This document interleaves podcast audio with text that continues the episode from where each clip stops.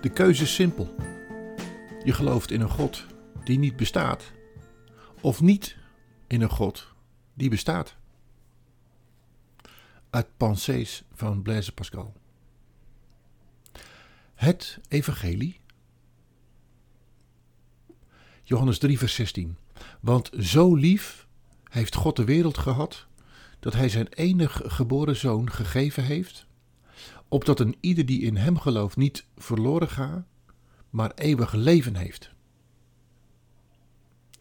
Deze tekst is waarschijnlijk een van de meest geciteerde teksten uit de Bijbel. Het gaat hier over God, die de wereld lief heeft gehad en daarom zijn zoon heeft gestuurd. Maar het gaat om een persoonlijke keus, een ieder die in hem gelooft. God ziet om naar de wereld door Jezus, maar wij mogen naar Jezus kijken en erkennen dat Hij degene is door wie de relatie weer hersteld kan worden. Het mag dan arrogant klinken dat God alleen via Jezus Christus te vinden is, dat er alleen door Jezus redding is. Maar het kan niet anders. Wij hebben echt een probleem. En we kunnen dat alleen aanpakken door deze oplossing. Dat is niet onze keus voor God, hoewel wij mogen, mm, moeten kiezen. Maar het is Gods keus om de redding aan te bieden aan iedereen. Er waren eens drie mensen. Ze stonden alle drie aan de hemelpoort. De eerste, een dominee, werd gevraagd of hij Jezus kende. De dominee begon te vertellen over zijn werk op aarde en de manier waarop hij gepreekt had. De tweede was een pastoor. Hij vertelde van de bijzondere Eucharistievieringen en de zegeningen die hij tijdens zijn bediening meemaakte. De derde was een zwerver die antwoordde op de vraag of hij Jezus kende en in lachen uitbarstte en zei: Natuurlijk ken ik u.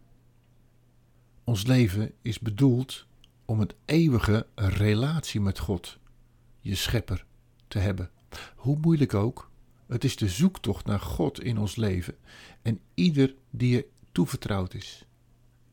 Ook die mensen zijn voor God waardevol. Een relatie met God is anders dan die met mensen.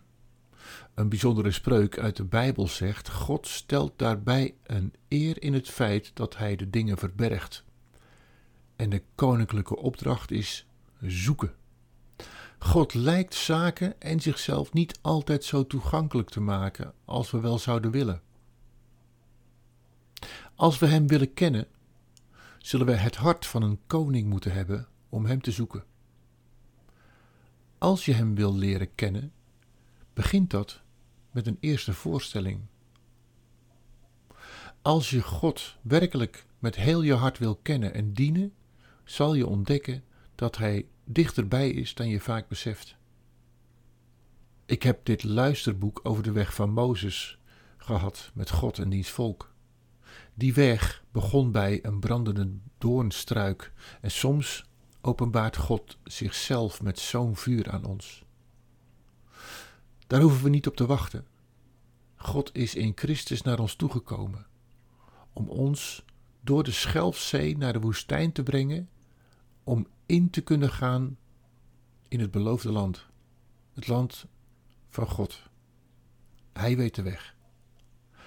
We zullen wel zelf achter hem aan mogen, mm, moeten gaan. Laten we hier nog eens doornemen hoe we daar komen. Om dit duidelijk te maken, zou ik eigenlijk nu een tekening willen maken. Dat gaat niet als je luistert. Maar laten we eens kijken hoe ver we komen. Kijk, wij zijn gemaakt voor een eeuwige relatie met God. Als een vader, moeder met zijn of haar kind. Er is een onlosmakelijke verbinding. Zet jezelf, jouw naam maar in een vierkant, binnen dat vierkant ook de naam van God. Zoals de Bijbel dat omschrijft, hebben wij dus de verbinding van onze kant verbroken met God. Zeg maar, we hebben gezondigd. Een zonde is in dit geval dat je daarmee je doel mist. We hebben de tien geboden overtreden. We hebben gelogen, gestolen, Gods naam misbruikt, ga ze maar door. Daardoor is er dus een kloof ontstaan tussen jou, tussen mij en God. Dus teken maar een soort ravijn waarbij de ene kant jouw naam staat en de andere kant Gods naam. De relatie is verbroken en daarmee komen we dus onder het oordeel. Als God aan het eind van de tijd iedereen zou willen oordelen, vallen wij daar ook bij. De verbroken relatie is dan eeuwig, een eeuwigheid zonder God, zonder Zijn liefde, zonder Zijn licht. Eeuwig opgeborgen op een plaats waar God niet is, donker en kwaad. Nu denken wij door ons gedrag de relatie te herstellen. Die kloof, daar kun je dus eigenlijk onderin de bodem schrijven dood. Want dood betekent eeuwig gescheiden van.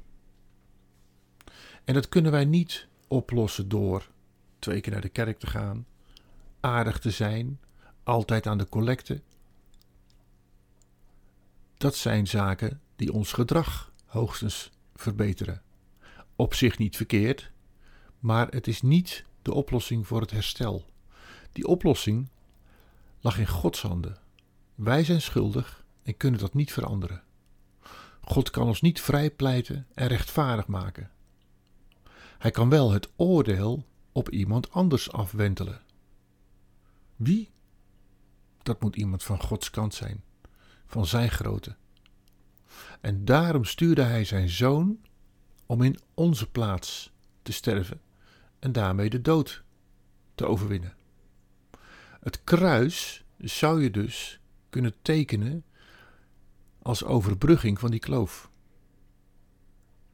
Door Jezus Christus zijn wij weer vrij van het oordeel.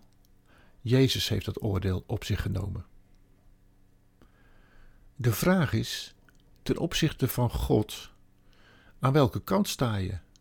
Aan de ene kant van de kloof, waar jij zelf stond bij het begin van het tekenen, of door het kruis, de brug, een stap naar God toe. Voor jouzelf is dus de vraag dat je een kruisje kan plaatsen op de plek waar sta jij. En als jij vlak voor de kloof staat, vlak voor de stap om die kloof te overbruggen, dan kun je jezelf afvragen: wat houdt me tegen? Ik wil je echt op je hart drukken om hier goed over na te denken. Het is niet zomaar iets om te doen. En tegelijk, wat is er op tegen? Als God om je geeft, wat verlies je dan eigenlijk?